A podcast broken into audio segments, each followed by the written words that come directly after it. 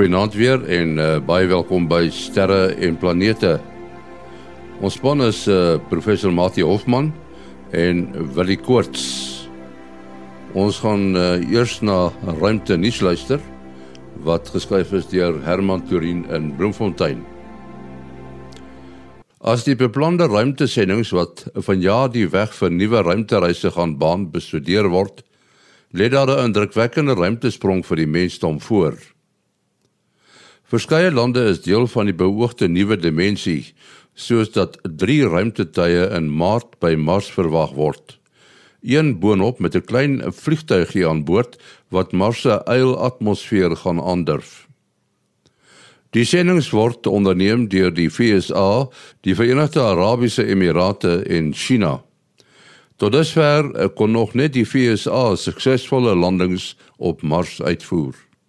Hoewel die James Webb Ruimteteleskoop vanjaar beoog word, is daar nog geen sekerheid dat dit wel vanjaar gaan realiseer nie.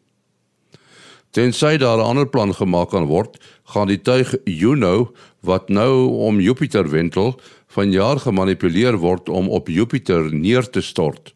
Of soos ons oudste seun destyds vir sy oupa gevra het, toe die asteroïde Shoemaker-Levy op Jupiter gaan val het, het oupa gehoor van die klip wat op oom Pieter se kop gaan val het. Oupa en kleinseun het selfs ooreengekom wie die swernoot was wat vir die gebeure verantwoordelik was. Dit is egter nog net 'n vulletjie in vergelyking met watter planne mededingende moondhede alles in die tyd gaan werp om mekaar ore aan te sit.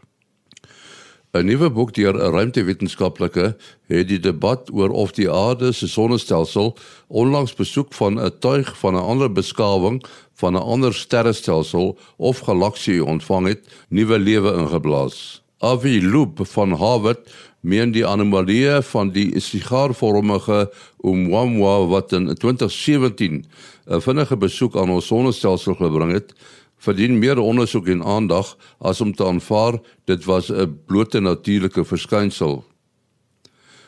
Loop wys verskeie anomalieë uit soos dat Oumuamua nadat dit sy draai om die son gemaak het, versnel het eerder as om stadiger te reis weens die son se trekkrag. Loop meen slegs baie ligte komete sou so reageer deurdat sonwind 'n groter invloed as die son se swaartekrag sou uitoefen en die voorwerp sou kon versnel.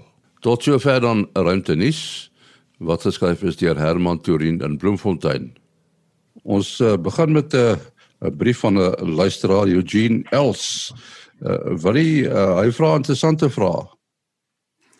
Ja, dis korrek. Eugene het al voorheen ook vir my 'n paar interessante briewe geskrywe en ek moet eers vir hom jammer sê dat ek nie by alles uitgekom het nie. Ek is maar 'n sleg skrywer, so uh dis makliker om dit sommer hier op die radio te beantwoord en dan natuurlik ander mense wat die wat dieselfde vra. Ja, die eerste een wat hy vra is 'n vraag wat ook al voorheen gevra is van die uitdaging van die heelal en en hy vra ehm um, waarin dit dan nou uit want want uh soos wat ons alles ken moet moet daar altyd spasie wees vir vir nog iets om om om uit te dui.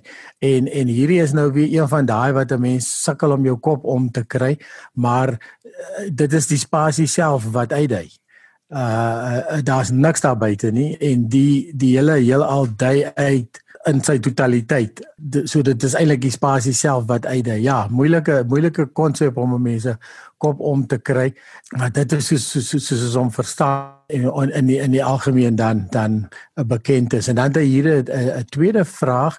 Um interessante uh, uh idees wat hy wat hy hier in sy kop mee speel uh, as die aarde nou nog 'n maan of 2 of 3 by kon bykry of sou bykry wat sou die wat sou die invloede daar omtrent wees? Byvoorbeeld op die uh, op die getye en en dan vra hy ook sal dit nou beteken dat daar meer komete na ons toe aangetrek word uh, uh omdat die omdat die spul nou alles swaarder is hierso? Ja ja. So uh, deur die tye het daar het dit al gebeur dat die aarde nog 'n maan bygekry het.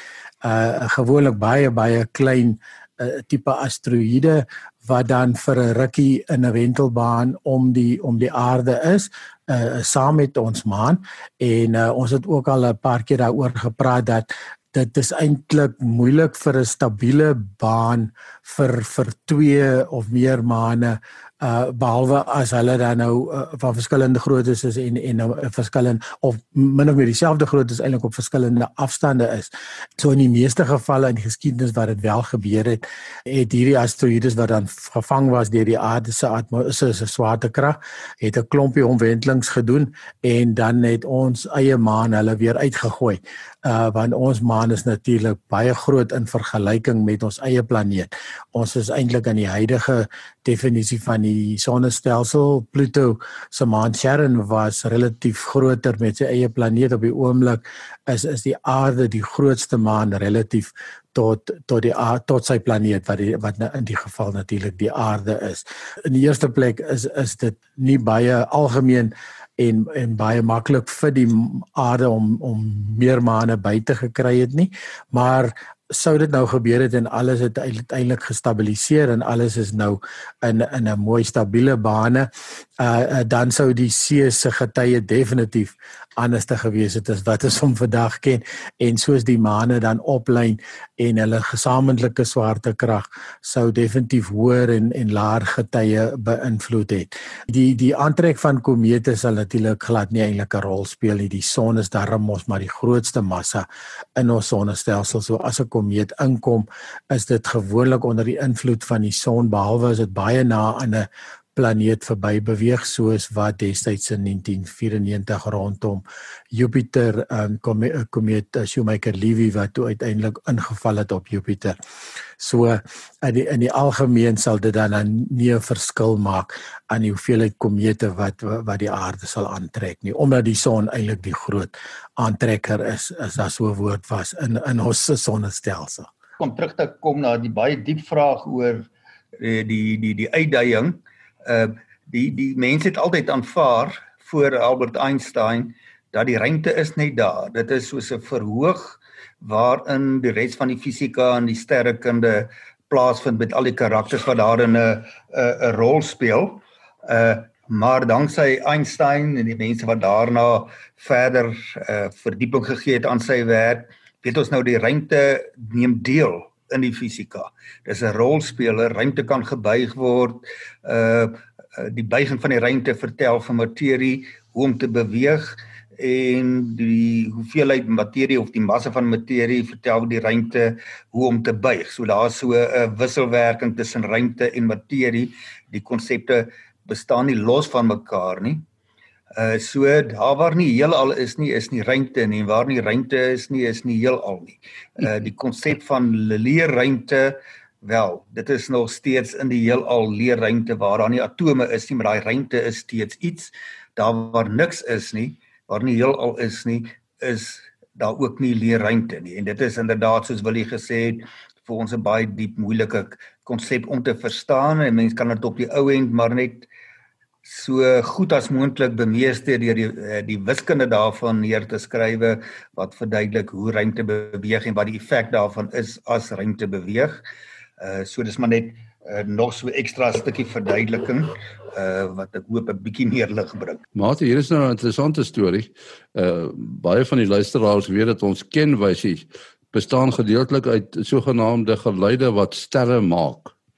Maar nou sien ek dat uh sterrekundiges dit moontlik die sogenaamde agtergrondgebrom van die uitspansel gehoor. Wat bedoel hulle hier?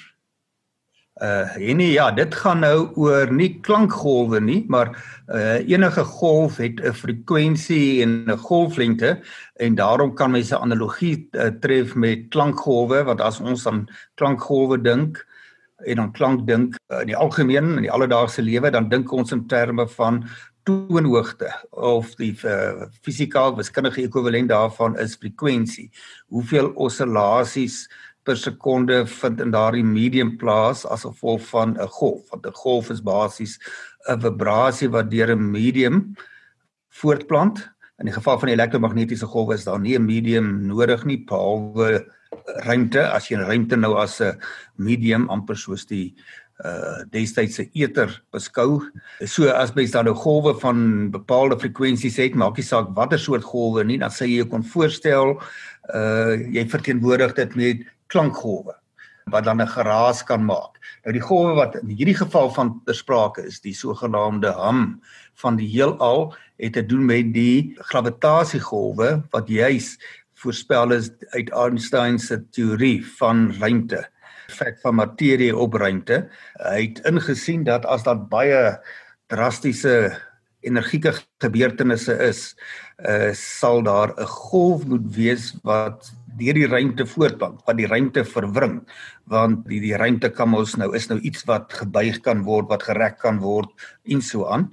Einstein het nie gedink dit sal ooit waargeneem kan word nie, maar dis nou groot nuus en dis met 'n Nobelprys uh beloon. Ek dink dit is nou al seker 3 jaar terug of is dit al 4 jaar wil hy wat die eerste gravitasiegolf deur die twee LIGO detektore in die FSA waargeneem is en nou trek hulle al seker by meer as 40 gebeurtenisse wat hulle dan nou uh waargeneem het. Dit is nou neutronsterre wat bots of gravitasiekolke wat bots of 'n neutronster wat 'n gravitasiekolk invoeter wat geweldige drastiese prosesse is en wat daai 'n deel van die energie wat uit hierdie botsing kom in die vorm van gravitasiegolwe die ruimte ingaan en daardie uh, verandering van die ruimte uh kan opgetel word as dit nou hier by die aarde aankom deur uh deur bemetings te neem van hoe lank vat dit nou vir lig om 'n bepaalde uh afstand af te lê. 'n Geweldige klein meting.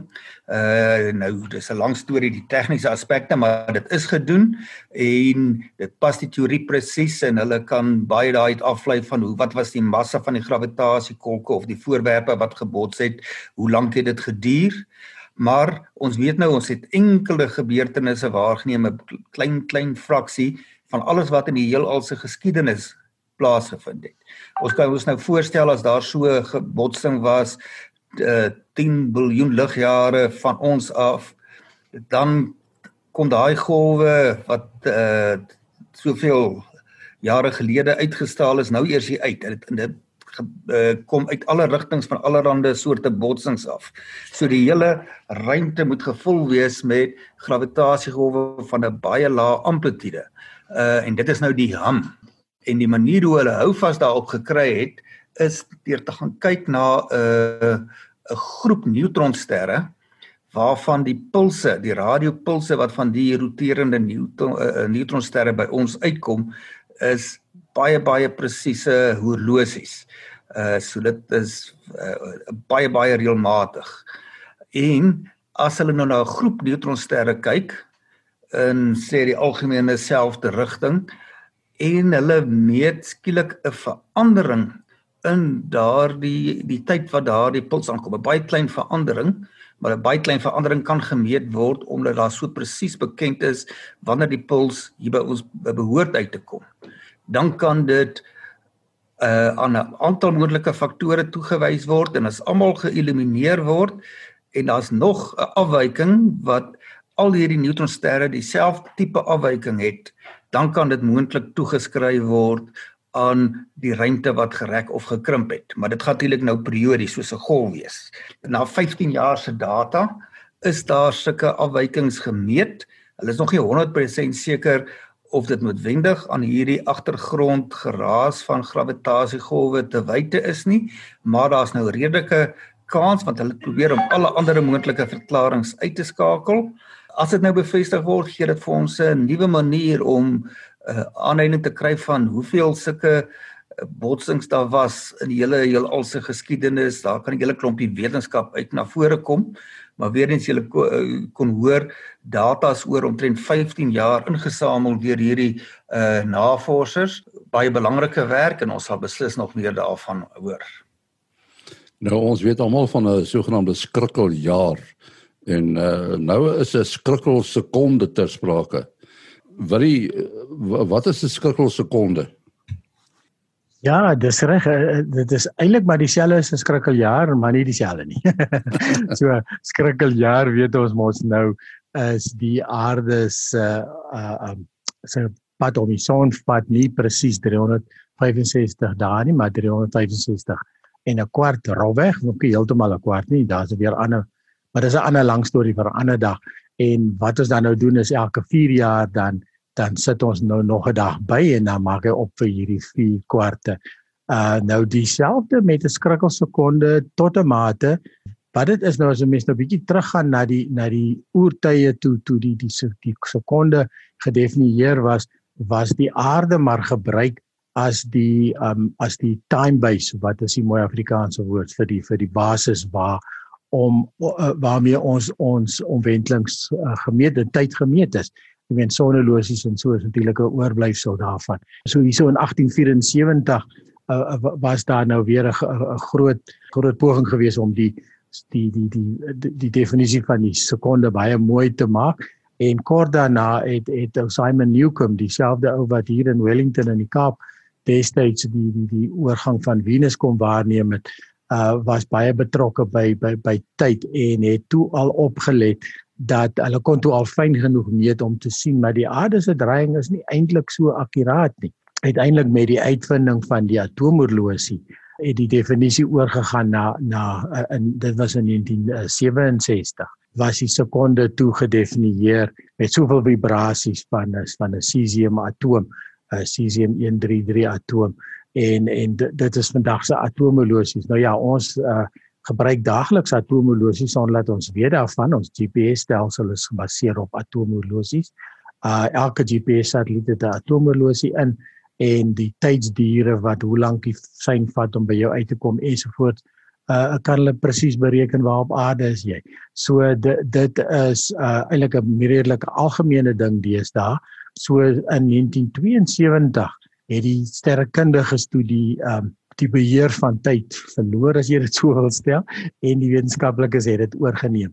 En uh en sedertdien gebruik ons natuurlik atoomolosies om dan uh baie mooi die uh omwenteling van die aarde te meet. Daar is 'n spesifieke liggaam met die naam van die International Earth Rotation Service. Ek ken nou nie die volle naam hier so nie, maar dit is min of meer waar deurkom hulle is in Frankryk uh, gestasioneer en hulle bepaal dan kyk baie baie mooi na na die uh draaiing van die aarde. Die aarde is besig om stadig stadiger te draai, stadig aan, stadiger te draai. Uh weens 'n klomp redes, die die hoofrede is natuurlik die remming met die maan. So die aarde en die maan het het redelike getyaksie. Dit is die water wat moet geskei word, maar dit is ook die die aardoppervlak. Ons het mos al genoem daar in Sutherland staan 'n instrument wat meet dat die aardoppervlak iets soos 40 cm optel wanneer die maan oorkom. Uh mense dink die aarde is so hard en in in solied, maar selfs die die aarde dui uit en natuurlik dit alles steel 'n bietjie momentum van die aarde se draaiing wat beteken dat die aarde ga, gaande weg stadiger draai. Hulle sit sit net skrikkelsekondes in in in in die einde van Junie en die einde van Desember. So in die middel van die jaar of op op ou jaar kan jy maar sê. En um interessant genoeg in 1972 het hulle sommer twee skrikkelsekondes gesit. Toe was dit vir elke jaar behalwe 1980 het hulle weer oorgeslaan, 1984 oorgeslaan. Sowieso was dit so elke derde jaar uh, wat hulle een oorgeslaan het en interessant genoeg van 1999 tot uh 2004 het ons glad nie weer 'n skrikkelsekonde nodig gehad nie. 2005 was dit weer 'n positiewe skrikkelsekonde. 2008 was dit weer 1. 2012, 2015, 16 en nou nie weer een nie uh vir die laaste 5 jaar die die die dag is nou lyk my weer besig om na die ander kant toe te skuif. Dit is heel moontlik daar was nou niks ingestel nou uh, uh nou op die op nuwe jaar vir 2020 nie. Ons het seker al genoeg drama beleef om nou nog 'n skrikkel sekonde ook te kon oorleef. Uh laat die jaar nou nog 1 sekonde langer sou wees sou niemand seker wou gesien het nie.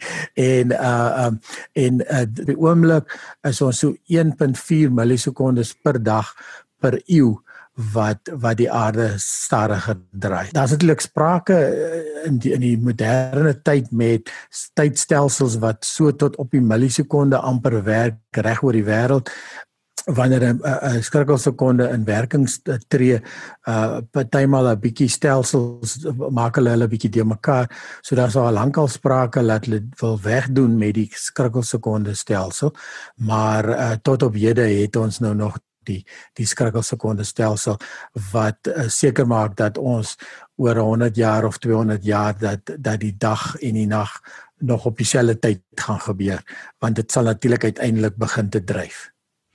Ja, dit is fyn berekenings daarin. Mati, as 'n mens opkyk in die naghemel, dan sien ons sterre, ons sien die maan, maar tussenin is dit swart. Maar nou sien ek daar's mense wat sê dit is nie eintlik swart nie. Ja, swart of uh, donker nie. As 'n mens nou in die ruimte is, ver buite enige atmosfeer en mens kyk weg vanaf die son uh of enige sterre, dan verwag 'n mens uh dat dit donker gaan wees behalwe vir die sterre wat jy sien, die lig wat jy vanaf 'n paar sterre kom en kry of en as jy nou baie fyn kyk deur 'n teleskoop dat jy al die sterre miskyk, ehm um, en alle gasnevels miskyk, dan verwag jy dat dit donker gaan wees. Behalwe dalk van af voorwerpe wat jy nog nie ontdek het nie. So daar kom lig uit, maar uh, jy kan nie sien waar dit vandaan kom. Dit is dalk sterre wat net te ver is of sterrestelsels wat net te ver is of dit kan lig wat uit ander rigtings uitkom, by ander woorde sterre waarna jy nie kyk nie en dit kan verstrooi word vanaf die uh nie heeltemal leë ruimte daar interstellêre ruimte nie of uh, wel as ons nou nog in die sonnestelsel is, is ons nou nie heeltemal interstellêr nie.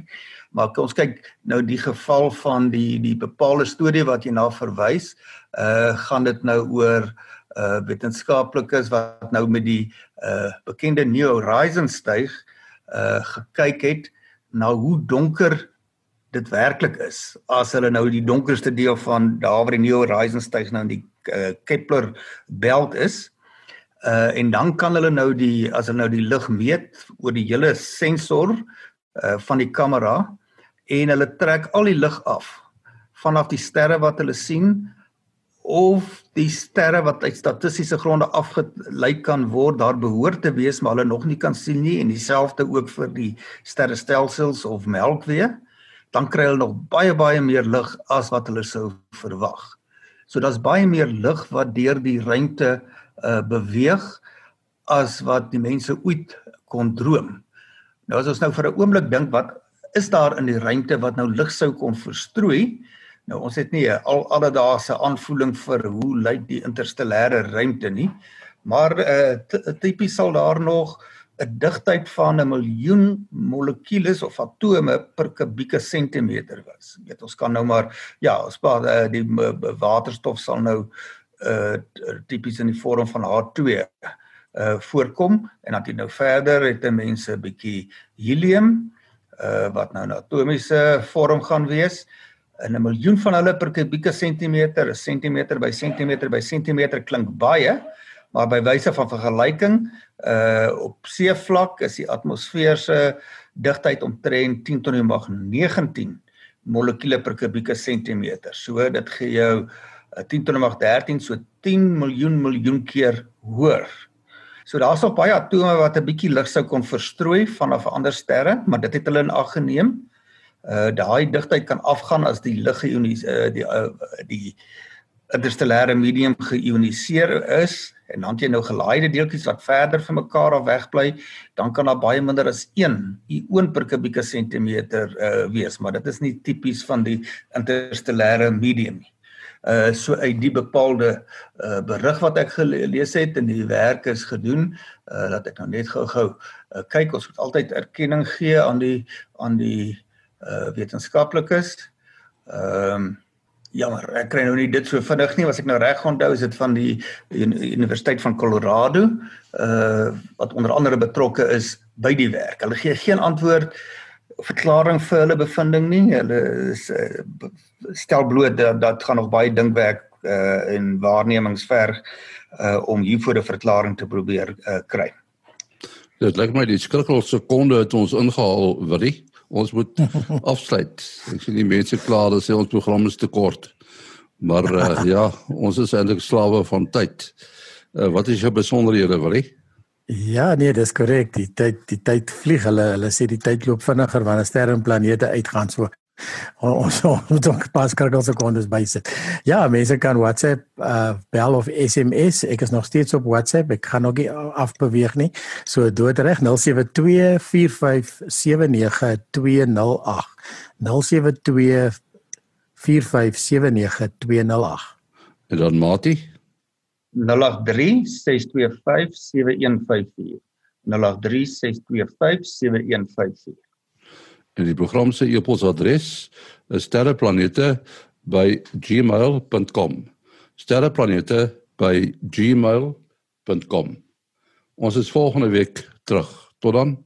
Mooi bly.